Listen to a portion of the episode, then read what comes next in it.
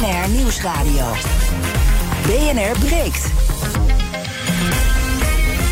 Ivan Verrips. Goedemorgen en welkom bij BNR Breekt. Aflevering 447, de eerste van de maand oktober. Vanaf half twaalf praat ik over het nieuws van de dag. Over het PBL, dat het kabinet ongevraagd advies geeft... over de uitkoopregeling van boeren. En dat ziet er niet zo rooskleurig uit. En voedselproducenten maken zich zorgen over het voortbestaan van hun eh, bedrijven... vanwege de hoge grondstofprijzen en energieprijzen.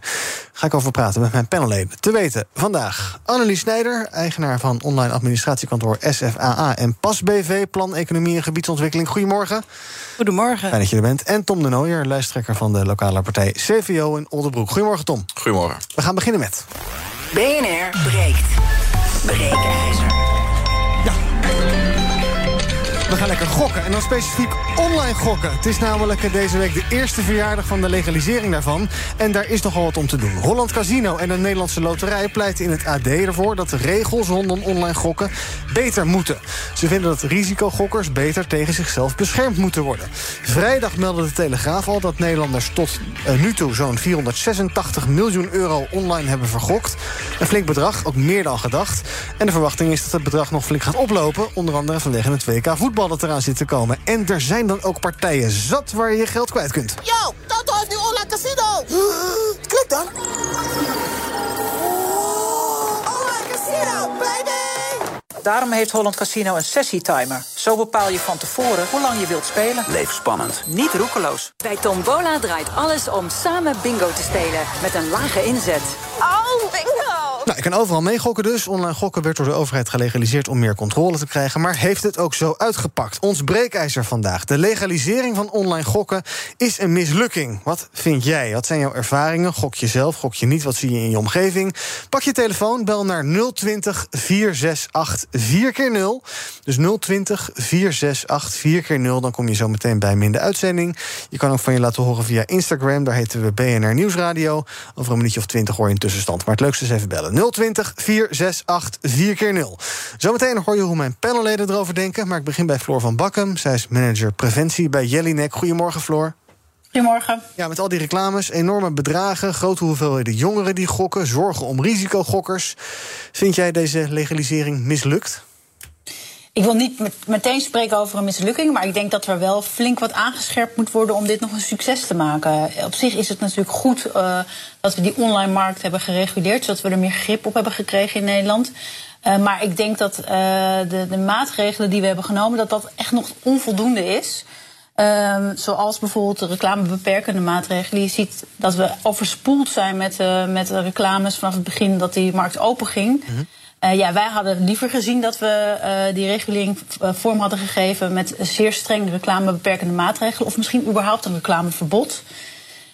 En daarnaast denk ik ook, wat, wat je net zelf ook al aangaf, dat de, de zorgplicht die de aanbieders hebben, dus het zorgen dat mensen niet in de problemen komen met het spelletje, dat dat ook echt nog wel wat beter kan. Ja, het is toch wel opvallend hè, dat die gokbedrijven nu zeggen: help ons met meer regels. Dat hoor je niet vaak.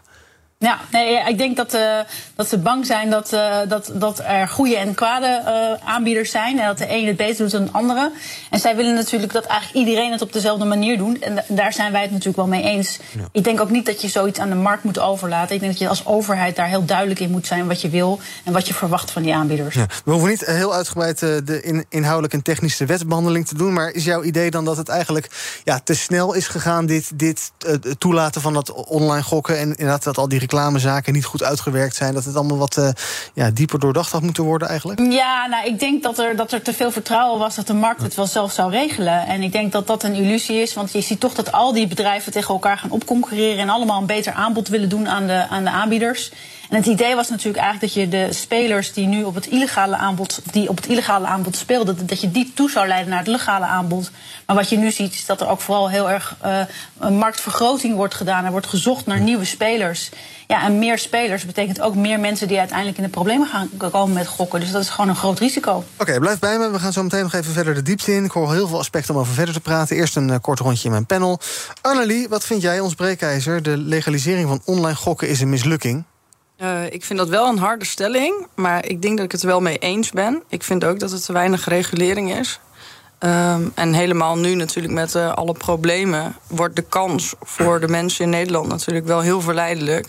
en groter dat ze ook gaan gokken. Mm -hmm. waardoor er meer verlies wordt geleden. En eigenlijk is dat niet goed voor Nederland. Nee, wat vind je van de stelling dan van ja, we moeten, je kan het beter legaliseren dan dat je het uh, ergens in duistere hoekjes op het internet laat gebeuren. Er zijn natuurlijk allerlei dingen die we ook, waarmee je dat ook zou kunnen doen in ons land, maar daar doen we het ook niet mee. Dus het is een beetje een soort subjectief ding. We, zijn, we hebben dit gelegaliseerd, maar ja, je kan zoveel gaan legaliseren wat anders in het stiekem gebeurt. Ik vind legalisatie van het gokken misschien ook geen goed idee. Uh -huh, Oké, okay, dus principieel denk je ook van is dat wel zo verstandig? Ja.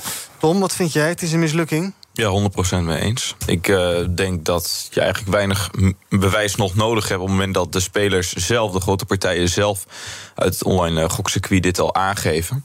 Uh, volgens mij heeft het hartstikke gefaald. Er stond vandaag ook een column van Sander Schimmelpenninck, niet mijn grootste vriend, maar toch in de, de Volkskrant. En ik was het heel erg met hem eens. Hij zei ook nog: kijk, dit is zo'n heel uh, ja, mooie sfeer eigenlijk rondom gecreëerd. Hè? Die mooie reclames van Toto, die nog best ja. grappig zijn ook. Uh, maar ondertussen uh, krijgen kinderen, krijgen jongvolwassenen weinig les of thuis weinig mee als het gaat om financieel goed, of goed met je geld omgaan. Mm -hmm. en hij zei eigenlijk op die manier gaan we een soort van erfelijk, bijna erfelijk geven we dan een soort van zwakte door, die niet wordt gecompenseerd. Um, waardoor telkens dezelfde mensen, die misschien ook al weinig geld hebben, erin trappen of te veel geld uitgeven. Waardoor zij uh, nog eens extra in de problemen komen. Zij zijn het grootste slachtoffer hiervan. Uh, en ik was het daar eigenlijk wel, uh, wel mee eens. En hij sloot ook nog af met ja, als die mensen op een gegeven moment al het geld kwijtraken. en de overheid die zorgt niet in eerste instantie goed beschermt hen. Ja, hoe kun je dan verwachten dat zij uiteindelijk wel de overheid gaan beschermen? Ja. Hij refereerde een beetje naar het populisme of het anti-establishment of anti-systeem denken, mm -hmm. denk ik. Um, dus ja, dus mij... de overheid gooit kwetsbare mensen hiermee voor de bus. Uh, ja, ik denk dat we het helemaal niet moeten doen. Floor, daar ben ik wel benieuwd. Ben jij principieel wel voor legalisering? Ja, het probleem is wat we met het online gokken zagen, is dat het natuurlijk eigenlijk al um, door veel mensen gedaan werd in, in Nederland. Omdat het illegale aanbod natuurlijk gewoon bereikbaar was online. Uh, en wat je dus zag, is dat heel veel mensen eigenlijk niet wisten dat het illegaal was. Dus vandaar vind ik het op zich wel goed dat we gaan legaliseren. En dan ook van de aanbieders uh, kunnen eisen dat, zich, dat ze aan bepaalde voorwaarden voldoen. Bijvoorbeeld dat ze ook inderdaad iets aan preventie en bescherming van de, van de gokkers doen. Mm -hmm. Maar dan moeten we dat wel goed doen. En ik denk dat dat uh, vooral is wat, we nu, wat nu nog niet goed gaat. Dat het allemaal nog veel te vrijblijvend is en veel te onduidelijk wat ze nou precies moeten doen. Annelie? Ja, ik heb nog een vraag aan jou, Floor. Heb je misschien voorbeelden van andere landen die het dan volgens jou wel goed hebben gereguleerd? Nee, daar heb ik niet direct een voorbeeld van. Omdat je ziet dat uh, over het algemeen er vrij ruim wordt omgegaan met uh, hoe die gokwetgeving dan vormgegeven wordt. Uh, en ik denk inderdaad dat je, ja, dat je bijvoorbeeld moet zeggen van laten we nou eens starten met een geheel reclameverbod als je zo'n markt reguleert. Uh, zodat je in ieder geval niet uh, een nieuwe groep gaat aantrekken. Mm. En dat is natuurlijk heel moeilijk, omdat we natuurlijk in een uh, concurrerende markt werken. Uh, vinden we het heel moeilijk om zoiets te doen zonder uh, reclame toe te staan. Maar ik denk dat dat een hele belangrijk besluit zou zijn geweest om op die manier te doen. Ja, en er wordt ook een soort, ja, een beetje een half zacht besluit over genomen. Hè? Volgend jaar is er een verbod op ongerichte reclame. Dan vanaf 2024 mogen online gokbedrijven niet langer meer sponsoren. Vanaf 2025 volgt er dan weer uh, verbod op sponsoring van sportlocaties en shirts. Ja, het is een beetje, een beetje, het is een beetje niet echt, niet echt kiezen, toch Tom? Een beetje half zacht. Nou, ik denk dat je veel harder nu uh, moet ingrijpen. Je ziet ook dat het nu uit de klauwen loopt. Er werden ook uh, cijfers genoemd dat het uh, geld wat wordt gespendeerd aan het online gok al gigantisch is toegenomen. Mm -hmm. Ik zit even te kijken hoor. Uh, kan het hier niet zo ja, snel... Het is bijna die 500 miljoen tot nu toe. Ja, ja en dan moet dus het, het WK nog komen. Ja. Je hebt de cijfers gelukkig paraat inderdaad. Uh, dus inderdaad, volgens mij is het nu een acuut uh, probleem. Ik uh, las ook nog dat de Kamer er volgens mij deze week nogal over gaat spreken. Ja, ja komende ja. donderdag. Ja, volgens mij is het gewoon een kwestie van hard ingrijpen. Dit, dit, kunnen we toch niet laten gebeuren. Ik zat nog even de term op te zoeken die Sander Schimmelpennik inderdaad gebruikte. Maar het was een erfelijke financiële kwetsbaarheid. Die eigenlijk voor mensen die eigenlijk niet goed uh, met geld kunnen omgaan. Dat ze dat thuis niet hebben meegekregen. En op school wordt gezegd: ja, is privé, is privé, dat moet thuis maar gebeuren. En daar gebeurt het niet. Nee, en dan groei je op in een omgeving waar dat gebruikelijk is. En dan ga je er misschien ook in mee. Ja, het is gewoon echt een, volgens mij ook echt het domein van de overheid. Hier moet je ingrijpen, want hier gaat het verkeerd. Peter, Paul, goedemorgen. Goedemorgen. Zeg het maar. Ja, ik, uh, ik ben het uh, niet eens met de stelling. Ik uh, heb geluisterd naar wat de vorige sprekers zeiden. Um, wat denk ik van belang is op te merken dat dat bedrag, hè, dat, dat grote bedrag dat uh, vorige week werd genoemd, uh, dat dat voorheen vooral bij illegale aanbieders werd uitgegeven. Dus Ehm, het feit dat Nederlanders massaal eh, bij vergunde aanbieders eh, aan het gokken zijn, is, eh, is goed nieuws. Dus het, het, het, het is juist winst voor eh, de Nederlandse samenleving dat online gokken is gereguleerd. Ja, maar goed, of die 500 miljoen nou bij Nederlandse partij of bij buitenlandse partijen wordt uitgegeven. Het blijft toch 500 miljoen die mensen kwijtraken. En we weten dat die mensen ook een gemiddeld gebruiker verliest, geloof ik, 150 euro per, wat was het, een maand. Ja. Ja, het, grote, het grote probleem van illegaal gokken is dat je eh, geen toezicht eh, kunt houden. Dus je weet niet wat daar gebeurt. Eh, spelers worden aan de goden overgeleverd. En eh, bij onvergunde aanbieders eh, heb je bijvoorbeeld geen zorgplicht. Er wordt niet eh, gezorgd dat spelers te veel geld uitgeven. Dat, dat, wordt, juist, dat wordt juist bespoedigd. Ehm, en er wordt massaal geld witgewassen en er wordt gematchfixed bij illegale aanbieders. Dat, dat kun je allemaal tegengaan door vergunningen uit, uit te delen. Ja. En daar strak toezicht op te houden. Ja, moet je dat op zich inderdaad wel goed doen. Bijvoorbeeld begin dit jaar was er een onderzoek van Pointer... die ontdekte dat bij Bad City ruim 40.000 euro... door één iemand vergokt kon worden zonder dat die site ingreep. Bij Toto gebeurde dat ook, 15.000 euro vergokt. Terwijl bekend was dat het om een pro- probleemspeler ging. Dus daar, zit nog wel, eh, daar is nog wel werk aan de winkel, blijkbaar.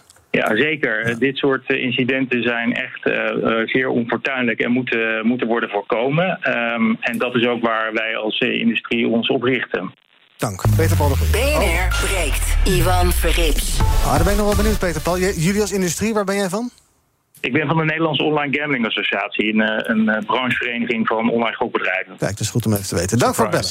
Ehm, nee, maar het is ook wel goed voor de eh, eh, Oh, transparantie. Ja, dat, ja, we ja. weten Heel het goed, is. heel Heel fijn, fijn dat je het zegt. Ehm eh, Floor, eh, dan is altijd de vraag die jullie krijgen... eh, zie je al eh, toenames of mensen hulp vragen... mensen die te maken hebben met online gokverslagingen? Is er een grote drempel om je te melden? Valt dat mee? Ja, dat, dat, dat is, dat is het probleem. Kijk, de markt is natuurlijk in oktober open gegaan. Dan duurt het vervolgens ook een periode voordat mensen echt een verslaving hebben ontwikkeld. En dan zie je eigenlijk dat mensen over het algemeen toch wel lang wachten voordat ze hulp gaan zoeken. Dus wij zien op dit moment nog geen toename in het aantal mensen dat zich aanmeldt vanwege verslavingsproblematiek. Maar goed, op het moment dat we dat zien, ben je eigenlijk al te laat. Wat we wel horen, eh, en, en ook natuurlijk uit de cijfers kunnen opmaken, is dat er gewoon veel jong, jongeren en jongvolwassenen aan het gokken zijn. En dat signaal krijgen we bijvoorbeeld ook terug van eh, docenten en jongerenwerkers die aangeven dat ze toch wel veel jongeren op hun telefoon zien die met dat soort schokspelletjes bezig zijn. Ja, ja even Ja, en dat is een extra, extra kwetsbare groep. Ja, hoe verslavend is gokken eigenlijk? Verschilt Gokken dat kan heel? Ja, dat verschilt per persoon, maar het kan absoluut heel verslavend zijn. Het is echt wel te vergelijken met, met verslaving aan, eh, aan bijvoorbeeld eh, eh, tabak of, of alcohol. Want je raakt als het ware eigenlijk verslaafd aan, aan, de, aan het spa- de spanning die je hebt tussen inzet en uitkomst. Ehm, en ja, daarnaast speelt natuurlijk niet alleen verslaving een rol bij gokken. Het gaat ook om andere risicofactoren. Het feit dat je heel veel geld kan verliezen, ook al heb je nog geen verslaving, eh, heeft ook wel veel te maken met eh, ja, een gezonde levensstijl en hoe je vervolgens in je leven verder moet. Eh, dus we zien ook dat mensen gewoon zonder dat ze een verslaving hebben met gokken gewoon in de, in de financiële problemen komen en daar enorm veel consequenties van, van hebben. Ja. Dus dat moeten we niet vergeten. We moeten niet alleen maar naar die verslavingscijfers kijken. Nee. Ja, als ik dit zo hoor, dan denk ik toch... we hebben allerlei dingen als een preventieakkoord... waarbij we willen zorgen dat mensen minder drinken... minder vet eten, minder zouten, minder zoeten... minder roken en weet ik veel wat. Maar dan gaan we wel het gokken uitbreiden. Dat is een beetje gek. Ja, ik vind het ook echt eh, bijzonder. En vooral in, eh, nou ja, er komt wel waarschijnlijk een crisis aan. Mhm. En waar, waar je ziet dat alles nu duur is. Dus dan is het inherent dat mensen meer gaan gokken. Hè. Er Ja. worden meer staatsloten verkocht, et cetera. Omdat mensen uit die situatie willen komen. Ja, en die kans is natuurlijk heel erg klein. Ja. Ja, er is wel een kans dat je een jackpot wint... maar die is heel erg klein. Ja, altijd, maar je ja. ziet toch dat hè, de lagere inkomens... die gaan toch uitwijken en dat soort eh, opties bedenken... in de hoop dat ze eruit komen. Hm. Tom, ben een beetje verslavingsgevoelig? Eh, nee, absoluut niet. Maar ik wou er nog wel wat aan toevoegen. Want mijn vader die is eh, schuldhulpmaatje. En ik, die vertelt dan thuis een beetje de verhalen. En die zegt ook heel vaak van ja, mensen die echt financieel aan de grond zijn. Nou, dat zullen er steeds meer worden gezien alle financiële problematieken. Ehm, eh, die gaan dan toch hun laatste 50 euro dan daar toch nog maar aan besteden. En zit Want je- wie weet dat je alsnog die Exact, jackpot ja, dat, ja. Is dus, dat is dus echt de financiële, financiële prikkel eraan. En ik denk dat, dat het klopt dat, dat die mensen daar extra gevoelig voor zijn. En dan gaat het ook nog om een relatief groot gedeelte van het geld wat ze dan nog hebben. Want dat is al niet veel. Ja. En, en, dat, eh, en dat dan ook nog eens vergokken. En dan ben je echt alles kwijt. Ja, dat kan echt voor eh, gigantische problemen zorgen. Waardoor wat echt een soort van, eh, een soort van killing is. Hè? Dat, Mhm. dat, dat druk je er dan net onder. Waardoor je denkt, ja, nu heb ik echt helemaal niks meer. Hm. En dan gaan ze ook nog reclames daarvoor maken. Ja, en die reclames die zijn vervolgens weer hartstikke leuk. Ik bedoel, die, die deuntjes van, van Toto en zo. Dat is wel heel veel. Koning, ja, nou, dat, dat is waar. En het WK komt er nog aan. Dus Hm. eh, d- d- dan weet je wat je in de, in de, in de eh, van de voetbalwedstrijden gaat zien.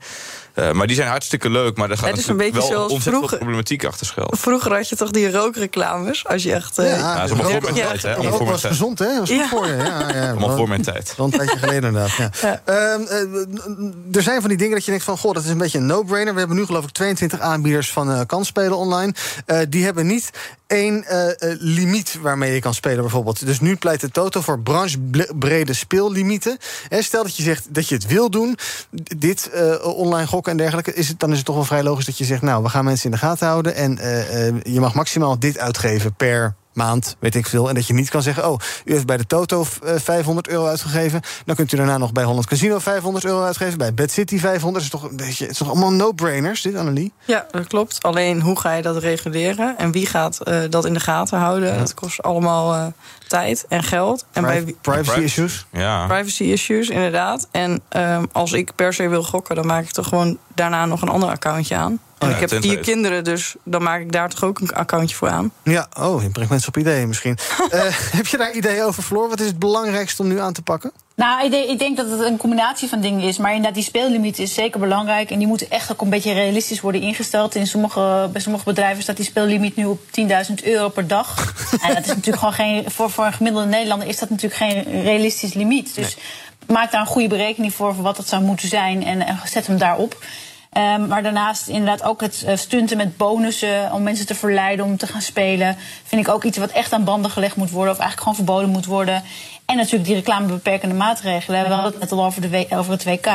Momenteel staat er eh, het verbod op sportsponsoring op 2025. Ik zeg, haal dat naar voren. Ja. Zorg dat het zo snel mogelijk ingaat. Ja, Tom? Ik zit nog eens even terug te denken aan die inbeller uit, eh, uit de industrie, om het zo te Oh, zeggen. hangt nog. Wil je wat vragen? Oh ja, die Oh. ik eigenlijk nou, wel... Peter Paul, kom maar. Ja, nee, ik zal de vraag even dan eh, stellen. Want je, je, ik vond het toch een beetje onbevredigend. Want je zegt, het is goed nieuws dat ze naar, eh, nou, eigenlijk naar een gereguleerde omgeving komen... waar eigenlijk allemaal regels gelden. Nou, dat, dat, dat kan ik in principe wel volgen. Maar ook dan toch geldt dat er heel veel mensen die financieel aan de grond zitten... mensen die niet hebben meegekregen van huis uit of op school... hoe je goed met geld moet omgaan als het jongvolwassenen bijvoorbeeld betreft. Ja, of het nou in het illegale of in het legale circuit eh, speelt... dan kun je alsnog ontzettend veel geld verliezen. En de, de, de, de bedragen die je per maand... of die je als speler, ja, 153 euro per maand verlies je gemiddeld. Ja, of het nou... Dat gebeurt, je verliest ook geld in de gereguleerde eh, om- omgeving, zeg maar. Dus in, Kwijt is hoever, kwijt. in hoezeer is, dan, dat, is het dan winst? Want het, het bedrag wat vergokt wordt, gaat enorm omhoog. Dat zien we nu. dat, dat laatste dat, eh, dat is niet vast te stellen, omdat we op dit moment niet weten hoeveel er voor 1 oktober vorig jaar werd vergokt. Ja, maar dat is ook een hele aanzuigende werking, hè? Daar konden we alleen maar schattingen over maken. Ehm, eh, en ehm, eh, kijk, ik ben het helemaal eens met wat, eh, met wat Floor zei over limieten. Het is volkomen belachelijk dat er bedrijven zijn die limieten hebben met 24 uur per dag spelen en bedragen van 10.000 euro per dag. Dat zijn geen werkelijke limieten. Dat is wat mij betreft ook in strijd met de zorgplicht die je als aanbieder hebt. Dus je moet spelers daadwerkelijke limieten laten stellen. En op dat vlak is, eh, is het ministerie ook bezig met een onderzoek en komt in november waarschijnlijk eh, met een brief naar de Kamer waarin eh, de minister voorstellen doet om tot een strakker stelsel te komen op dat punt van die limieten. Dus er wordt wel degelijk gewerkt aan verbetering en verscherping. En oh, ja, dan nog- mag ik nog een vraag Ja. stellen? Kijk, want die limieten zijn wel interessant. Want ga je een soort van generiek limiet stellen? Stel, stel je, de, je stelt het op, op 300 euro per maand. Laten we maar wat zeggen. Dat is helemaal niet veel, want de ervaren gokkers die zullen zeggen... Sommige mensen wel. Ja, maar voor anderen weer wel. En voor de mensen, want ik heb het vooral over die kwetsbaren. Want het, de, de, de, de- het PR-verhaal is allemaal hartstikke mooi. Maar ook al heb je die speellimiet, de mensen die financieel kwetsbaar zijn, die hun laatste 100 euro eraan uitgeven, de jongeren die niet goed eh, zijn opgevoed met geld en er absoluut niet mee kunnen omgaan, als die dat uiteindelijk het hele limiet uh, verspelen. En je verliest gewoon geld als je online gaat gokken. Dat, dat is ook duidelijk. 153 euro per maand gemiddeld. Ja, ja dan, dan kun je toch wel mooi, mooi woorden houden. Ja, mijn ministerie is mee bezig. Kamerbriefje dit, debatje zo. Maar uiteindelijk verliezen die mensen die financieel kwetsbaar zijn gewoon het geld. En dat is toch volgens mij gewoon de harde realiteit. Of het nou in het legale of het illegale circuit gebeurt. Die mensen verliezen geld wat ze ontzettend goed ergens anders aan kunnen besteden. Uh, zeker. Ik bedoel, uh, um, als je in de financiële problemen zit, is het nooit een goed idee om te gaan gokken. Dat staat voorop. Uh, de overheid wil ook op het punt van informatievoorziening en het weerbaar maken van, van consumenten daar stappen zetten. Dus dat, dat, dat, dat is gewoon een feit. Maar even terug naar uh, die limieten. Als je een, als je een limiet van, uh, van 300 euro zeg, per maand uh, instelt. dan loop je het risico dat de mensen die daar boven willen gaan, dat die naar de illegaliteit verdwijnen. Dus dat is iets waar je goed naar moet kijken. Duidelijk, dank Peter Paul nogmaals. Annemie, als je, wat zei je? Dus kom je er niet uit, want je kunt dus geen generiek doen. En uh, waar je anders heel bang voor moet zijn, is als je, als je dus die kwetsbaren vooral, hè, als je die dan een laag limiet wil gaan doen, dan moet je dus ingrijpen in hun financiële situaties. Nou, alle privacy overboord. Floor dus je komt hier niet uit. Gewoon verbieden die soort. Nou ja, ik denk, ja, ik denk wel dat je inderdaad zou moeten kijken naar bijvoorbeeld als je een telefoon aanvraagt tegenwoordig, dan wordt je, wordt je ook gekeken hoe ver je financieel zo'n abonnement kan aangaan. Zoiets zou je natuurlijk ook kunnen bedenken hm. voor die gokmarkt. BKR-achtig iets, ja. Uh, ja. Uh, Annelie, uh, bedrijven als Holland Casino en dergelijke... wat natuurlijk staatsbedrijven zijn, die roepen nu dus om meer regels. Vertrouw je dat soort bedrijven of vind je het ook een beetje... Natuurlijk niet, dat is je eigen winst beschermen natuurlijk. Hmm. Want als het illegaal Ze doen het niet echt voor, voor de mensen. Nee, dat denk ik niet. Ik denk ook dat het gewoon gelegaliseerd is... omdat we er veel geld aan verdienen. Hmm. Ten koste van ja, medeburgers. Een donker wereldbeeld heb jij. Ja? Ja. Normaal valt het wel mee, hoor. Ja? Ehm, eh, nee, maar er zitten altijd twee kansen aan een verhaal, toch? Ja. Dat hoor je Pieter Paul ook zeggen. Ja, ik snap wel dat ze het aan de ene kant willen reguleren... maar uh, de stelling is, legalisering van online gokken is een mislukking. Mm Ben ik het daarmee eens, ja of nee? Nou, in grote mate ben ik het daar wel mee eens. Want het doel is niet behaald. En we zien dat veel meer mensen aan het gokken zijn. Hm. Voor tot slot, uh, we uh, begrepen dus al dat er uh, relatief veel jongeren gokken. blijkt uit die monitoringsrapportage van de hm. kansspelautoriteit. ja, wat, wat moet er aan gebeuren? Is dit, dit hem in voorlichting of zit het hem inderdaad in regels? Of wat, is het, wat zou je de Kamer willen meegeven voor het debat donderdag? Nou, voor het debat donderdag denk ik dat we echt die, uh, die maatregelen moeten aanscherpen. Dus inderdaad, wat, wat ik al eerder aangaf, uh, reclamebeperkers. Dat we niet nog meer mensen gaan aanzuigen naar de, naar de gokmarkt. Maar daarnaast die verbetering van de zorgplicht. Ik denk dat er een heel duidelijk kader vanuit de overheid moet komen aan welke regels de aanbieders van gokspelen zich moeten houden. En hoe we dat gaan controleren. En dat ook de, de overheid daar gewoon echt strak op moet gaan zitten qua controle. En als uh, de wet overtreden wordt dat gebied, dat uh, ja, aanbieders ook flink op een vinger getikt worden. Duidelijk, heel veel werk aan de winkel dus. Dank Floor van Bakken, manager preventie bij Jellinek. Ook een soort van dank, belde spontaan in. Peter Paul de Groei van de Nederlandse Online Gambling Associatie. En uh, zometeen ga ik verder praten met Tom en Annelie over het nieuws van de dag. Over de Tweede Kamer. Via, oh, ik moet nog even Instagram doen. Oh, help. daar is nu zo'n 80% het eens met de stelling. Um, de legalisering van online gokken is een mislukking. Daar kan je nog de hele dag mee praten. Op Instagram dus BNR Nieuwsradio. Op de radio gaan we door met het nieuws van de dag. Bijvoorbeeld over de Tweede Kamer. En de, ja, nou ja, het is een beetje snel om het zo te noemen... maar de soap rondom Khadija Ariep. En problemen binnen de voedselindustrie. Producenten maken zich zorgen over de toekomst van hun bedrijven... vanwege de hoge energieprijzen onder andere. Moeten we vrezen voor die sector in ons land? En hoe erg is dat? Zometeen in het tweede deel van BNR Breek. Tot zo. Bij BNR ben je altijd als eerste op de hoogte van het laatste nieuws. Luister dagelijks live via internet. Jelle Maasbach. Wesley Weert. We zijn er voor je met het leukste, opvallendste, maar natuurlijk ook het belangrijkste nieuws. Tijdens de presentatie van die halfjaarcijfers toen die beurskoers in elkaar kukkelde. BNR Beurs. Voor de slimme belegger. Blijf scherp en mis niets. Blijf scherp. BNR Nieuwsradio. BNR breekt. Ivan Verrips. Welkom terug. In mijn panel vandaag Tom de Nooijer, lijsttrekker van CVO in Oldenbroek. En Annelies Snijder, zij is eigenaar van online administratiekantoor SFAA. En PAS BV, Plan Economie en Gebiedsontwikkeling. We gaan praten over het nieuws van de dag. Te beginnen bij uh, opeens vanochtend in NRC en daarna ook op de website van het PBL. Planbureau voor de Leefomgeving. Zij twijfelen aan de kabinetsplannen voor het uitkopen van boeren. Schrijven ze in een advies aan het ministerie van LNV. Het kabinet heeft uh, ruim 7 miljard vrijgemaakt, zoals we weten, voor de sluiting van boerenbedrijven. om ervoor te zorgen dat die stikstofuitstoot voor 2030 wordt teruggedrongen. Maar volgens het PBL uh, liggen de verwachtingen bij het kabinet veel te hoog. En dus kunnen de plannen uitlopen op een teleurstelling. Hebben we 7 miljard uitgegeven en dan is er dus eigenlijk niet zoveel gebeurd. 7 miljard klinkt als een enorme berg geld. Ik heb het uh, op de meeste dagen niet. Annelie, als je dat uh, rapport zo leest en ook bedenkt van... goh, vandaag krijgen we ergens een keer een nieuwe minister voor Landbouw... die wordt bekendgemaakt door de ChristenUnie.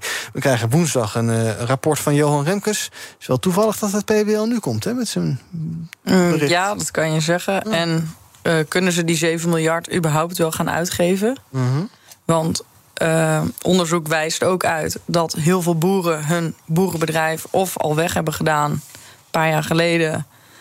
En die zijn wel uitgekocht. Of het is doorgegaan op de volgende generaties. En dat betekent dus dat de boeren die nu zitten, zijn vrij jong. Mhm. En die kunnen nog wel een tijdje mee. Ja. En daarnaast krijgt ook gewoon natuurlijk een boerenbedrijfssubsidie voor de innovatie. Mhm. En uh, dat, dat is natuurlijk wel interessant hoe dat dan allemaal weer loopt. Ja, dus jij hebt niet zoveel vertrouwen in die plannen van het kabinet als het gaat om het uh, terugbrengen van de stikstof op deze manier? Mm, nou ja, kijk, er zijn natuurlijk wel mensen die daar uh, ja, verleiding voor zien, uh, of gevoelig voor zijn voor die verleiding.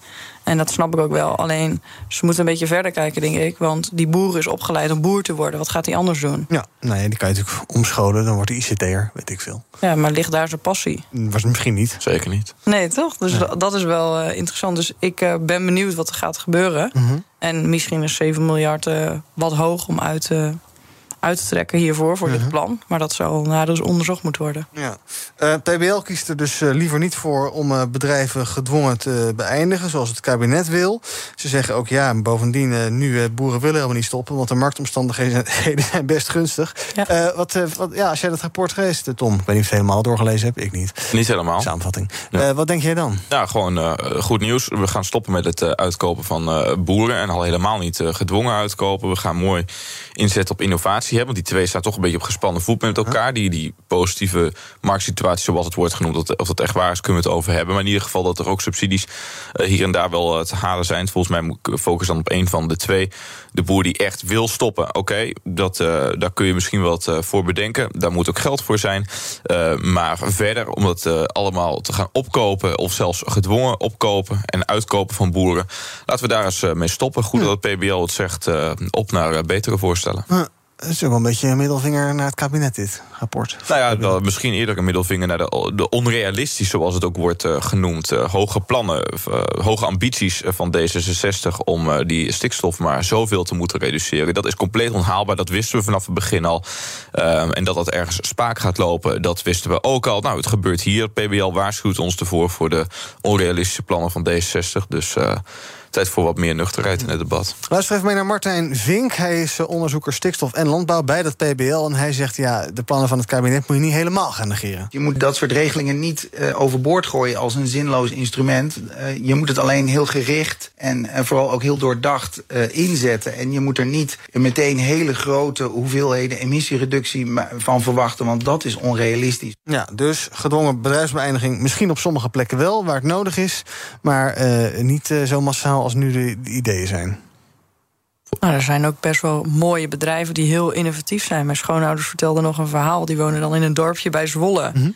Nou, daar komt haast niemand meer aan te pas qua personeel, omdat alles geautomatiseerd is. Die hele koeienstroom die wordt helemaal automatisch via chips gemolken. Toch een soort ICT'er. Ja, het is echt. Ja, het is, ja, ja, maar het is echt bizar hoe dat gaat tegenwoordig. En dan, ja, wat willen we nu eigenlijk? Hè? Willen we nu de biologische kant op en alles innoveren? Mhm. Mm -hmm. Of zeggen we nu van nee, de boeren moeten stoppen voor de reductie? Mm, dus het vergt een veel breder debat. Ja. Uh, Tom, ben jij gewoon he helemaal per definitie voor alle, alle gedwongen bedrijfsbeëindiging? Sorry, ben ik voor gedwongen bedrijf? Per definitie, sorry, ben je per definitie tegen alle eh, gedwongen bedrijfsbeëindigingen? Nou, zeker wel in de mate waarin dat nu wordt eh, voorgesteld... of waarin al over wordt nagedacht. Eh, dat komt zeker niet uit mijn koker... maar eerder uit de koker van de partijen die de veestapel willen halveren. Ik Ja. noemde net al D66. Eh, in het kabinet, die is de grote aanjager hiervan geweest. Ehm, en dat is volgens mij onhaalbaar. Waar, waar het wel goed zou kunnen zijn... is natuurlijk ehm, ehm, de, bedrijven die geen bedrijfsopvolger hebben... en eh, mensen die ook wat eh, ouder van leeftijd zijn... met pensioen gaan, et cetera, et cetera, het van de hand willen doen. Daar kun je een bedrag voor beschikbaar stellen. Maar het bedrag wat er nu voor gereserveerd is... is echt om eh, keihard in te grijpen in, in, die, in die sector. Dat moeten we niet willen. Die sector wil innoveren. Elke boer zegt dat ook. Besteed daar dan je geld aan. En dan zal het misschien uiteindelijk zorgen voor iets minder eh, eh, stikstofreductie. Eh, maar die getallen van 2030, eh, die moeten we inderdaad, zoals het CDA ooit zei, maar niet waarmaakt, waarmaakt moeten we inderdaad niet heilig verklaren. Ehm, en volgens mij kan dat een stap zijn om met, samen met die boerensector stappen verder te komen om eh, eh, ja, toekomstbestendige sector over te houden en ondertussen goed te zijn voor bodem, natuur eh, Ja. en klimaat. En er wordt meer gemuid tegen die plannen, ook in de coalitie. Eventjes nog heel kort. eh, woensdag dus eh, Remkes rapport. 1 uur, geloof ik. Wat verwacht jij waar hij mee komt? Is, gaan we het PBL een beetje daarin terugzien, denk je? Nou, dat weet ik eigenlijk niet. Ik heb geen idee wat eh er. Maar we weten wel dat heel veel eh, politieke problemen zijn geparkeerd tot dit rapport van eh, Remkes.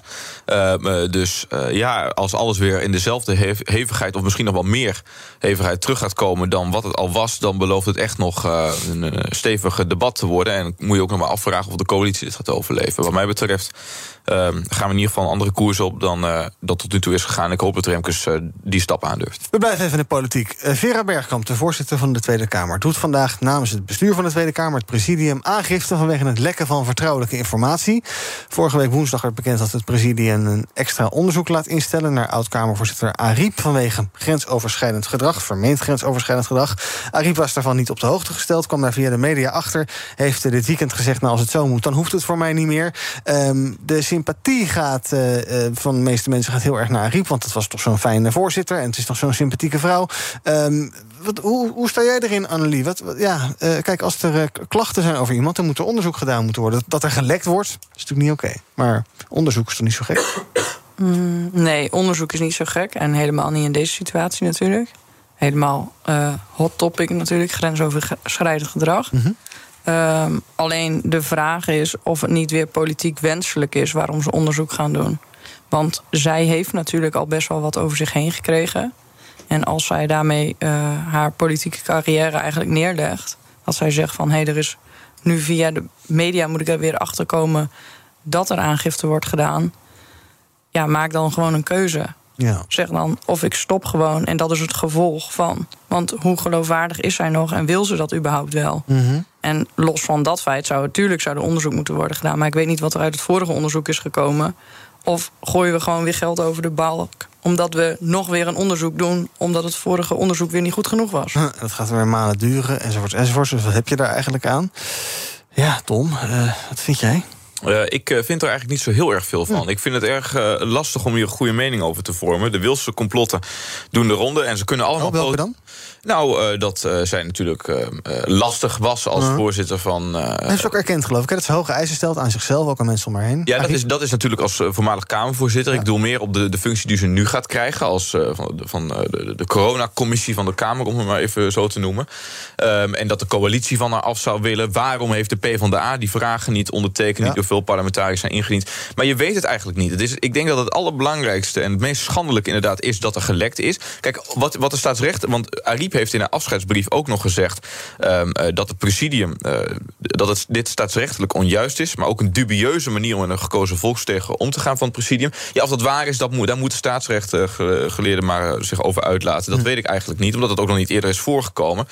Maar dat lek dat is ontzettend kwalijk. En ik wil heel, heel graag weten wie daarachter zit. Ja, nou ja, en dat kunnen Want dan wordt het belang. Want dan pas kun je zeggen wie het belang heeft om dat te lekken en wat daarachter zit. Want Ja. dat, wat die, dat die belangen mee gemoeid zijn, dat is overduidelijk. Ja, Dat kunnen natuurlijk niet zo heel veel partijen zijn. Dat kunnen klagers zijn misschien, als die weten dat er een onderzoek is. Dat kan iemand uit het presidium zijn en het kan iemand bij de landsadvocaat zijn. Juist, dat zijn volgens mij de drie smaken. Zoveel smaken zijn er niet. Nou, Ariep die voelt zich dus niet gesteund door haar eigen partij in de kwestie. En ook Paul Stamsnijder van de reputatiegroep... die snapt wel dat Ariep eh, ja, denkt, ik eh, bekijk het wel. Het is natuurlijk niet heel wonderlijk dat zij ehm, eh, deze woorden eh, neerzet. Ehm, omdat ze niet alleen wordt aangevallen eh, door de Kamervoorzitter, de huidige Kamervoorzitter. Je zou zelfs kunnen spreken van moedermoord. Ehm, en aan de andere kant wordt ze ook nog in de steek gelaten door haar eigen PvdA, die eh, eh, het statement niet ondertekent. Dus hoe gek willen we het hebben?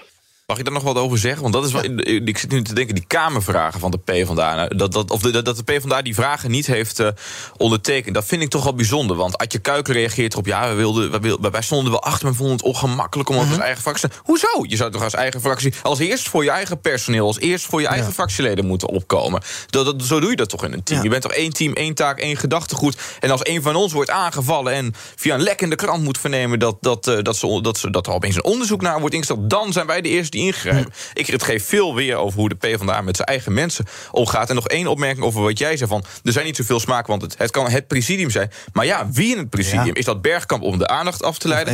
Is dat, een, is dat Henk Nijboer omdat hij hem uh, Ariep lastig vond in de fractie? Is het iets, iemand anders die er als nieuwe voorzitter vandoor wil, uh, ja. wil gaan? Dat, dat weet je dus niet. En je kunt het pas wel eens open zeggen op het moment dat duidelijk wordt wie het is. Maar okay. het is niet goed voor het vertrouwen in, uh, in de Kamer. Nee, ik moet altijd even terugdenken... de laatste paar dagen aan een aflevering die wij anderhalf week geleden maakten. maakte. Toen was ons breekijzer de Tweede Kamer... is op deze manier totaal ongeloofwaardig. Ik vind dat ze best wel regelmatig ook uh, dat, uh, die stelling eer aan doen.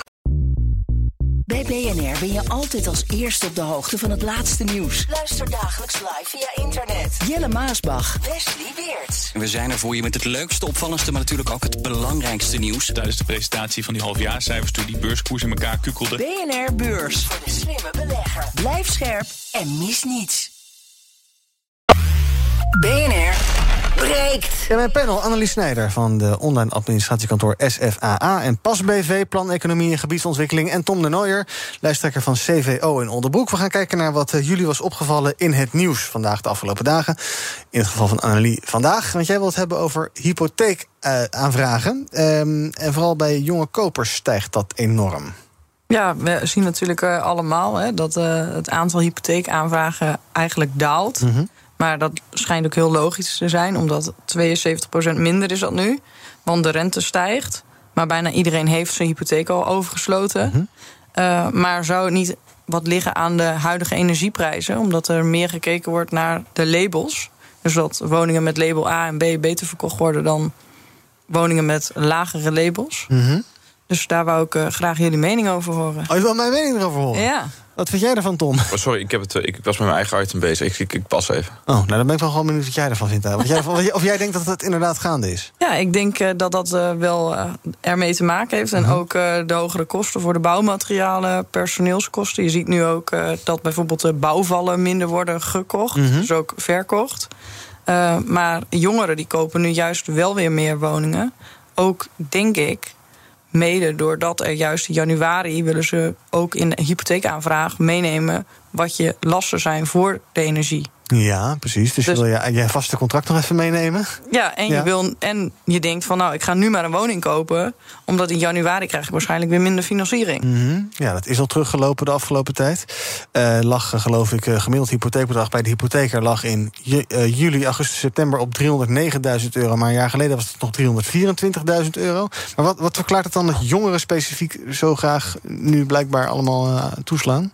Uh, nou ja, jongeren die kunnen nu nog meer ja. hypotheek krijgen dan dat het uh, later gebeurt. En wat je nu ook ziet, is toch dat die uh, woningprijzen iets stabiliseren. Dus je kan natuurlijk nu met twee verdieners best wel een hoge hypotheek krijgen. Ja. En dat zie je hier in de Randstad in Amsterdam al gebeuren, Rotterdam ook. Mm -hmm. maar je ziet toch ook wel veel mensen die wegtrekken en richting Zwolle gaan om uh, daar te wonen bijvoorbeeld. Ja, maar die gekte gaat een beetje van die woningmarkt af. En dat is misschien wel fijn ook, dat je niet uh, ja, tien keer overboden wordt... en uh, vijftig bezichtigingen en dergelijke. Ja, zeker. Ja. Alleen, we kijken altijd naar cijfers van... ja, er zijn natuurlijk minder hypotheekaanvragen. Ja, dat is logisch, ja. want als de rente daalt... dan proberen we allemaal met of zonder boetes mm -hmm. over te sluiten. Ja. Dus is er een run op de hypotheekaanvragen. Ja.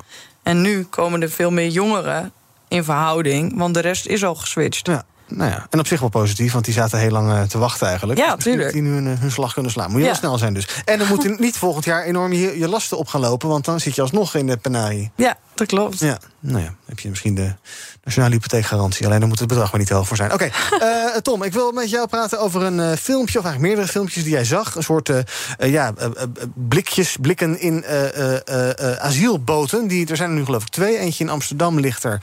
Die wordt binnenkort, begin deze maand... komen er mensen in te zitten. En in Velzen. Ja. En daar worden asielzoekers opgesla op, nou ja, opgeslagen, opge, opge, opgevangen... voor een periode van zes tot negen maanden.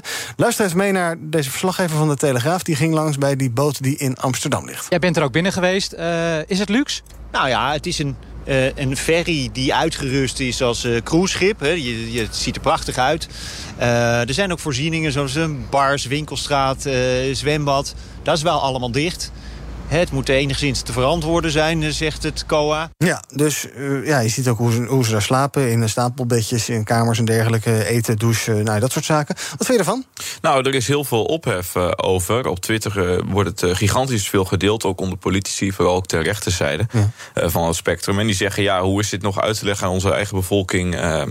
die zich soms van het gas laat afsluiten... die niet meer kan douchen daarvoor naar een zwembad moet in de buurt... Uh, om daar voor een paar euro toch een warme douche te kunnen krijgen, zich schoon te kunnen maken. En uh, deze asielzoekers die uh, van alles gratis krijgen en mhm. ook in grote getalen hier naartoe komen. Dat beeld is natuurlijk ontzettend wrang. Ook omdat die filmpjes worden gedeeld, vooral door mensen die daar worden opgevangen.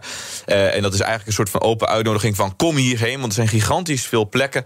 Um, en op die manier ja, laten ze eigenlijk zien van we hebben het, we hebben het goed hier. Hier kun je, je kunt gerust met een gerust hart naar Nederland komen, want daar liggen deze boten voor je klaar. Terwijl onze eigen bevolking uh, enorm leidt onder uh, nou, stijgende inflatie. Mensen die van, no, nogmaals, zoals ik zei, van het gas afgaan en zich mhm. niet meer kunnen verwarmen thuis. En dat met een kaarsje uh, moeten of met wat, met wat potjes eroverheen... Ja. om zo toch enige warmte te kunnen vasthouden.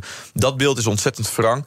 Zeker in combinatie met het artikel wat vandaag verscheen over migratie. En dat gaat over um, het migratiesaldo van dit jaar. Als het zo ongeveer doorgaat zoals het wordt voorspeld... komen we in totaal op een toename van 215.000 mensen uit. Een stad zo groot als Almere. Mm -hmm. uh, dat is gewoon niet meer vol te houden. En ik vind ook dat het steeds vervangen wordt.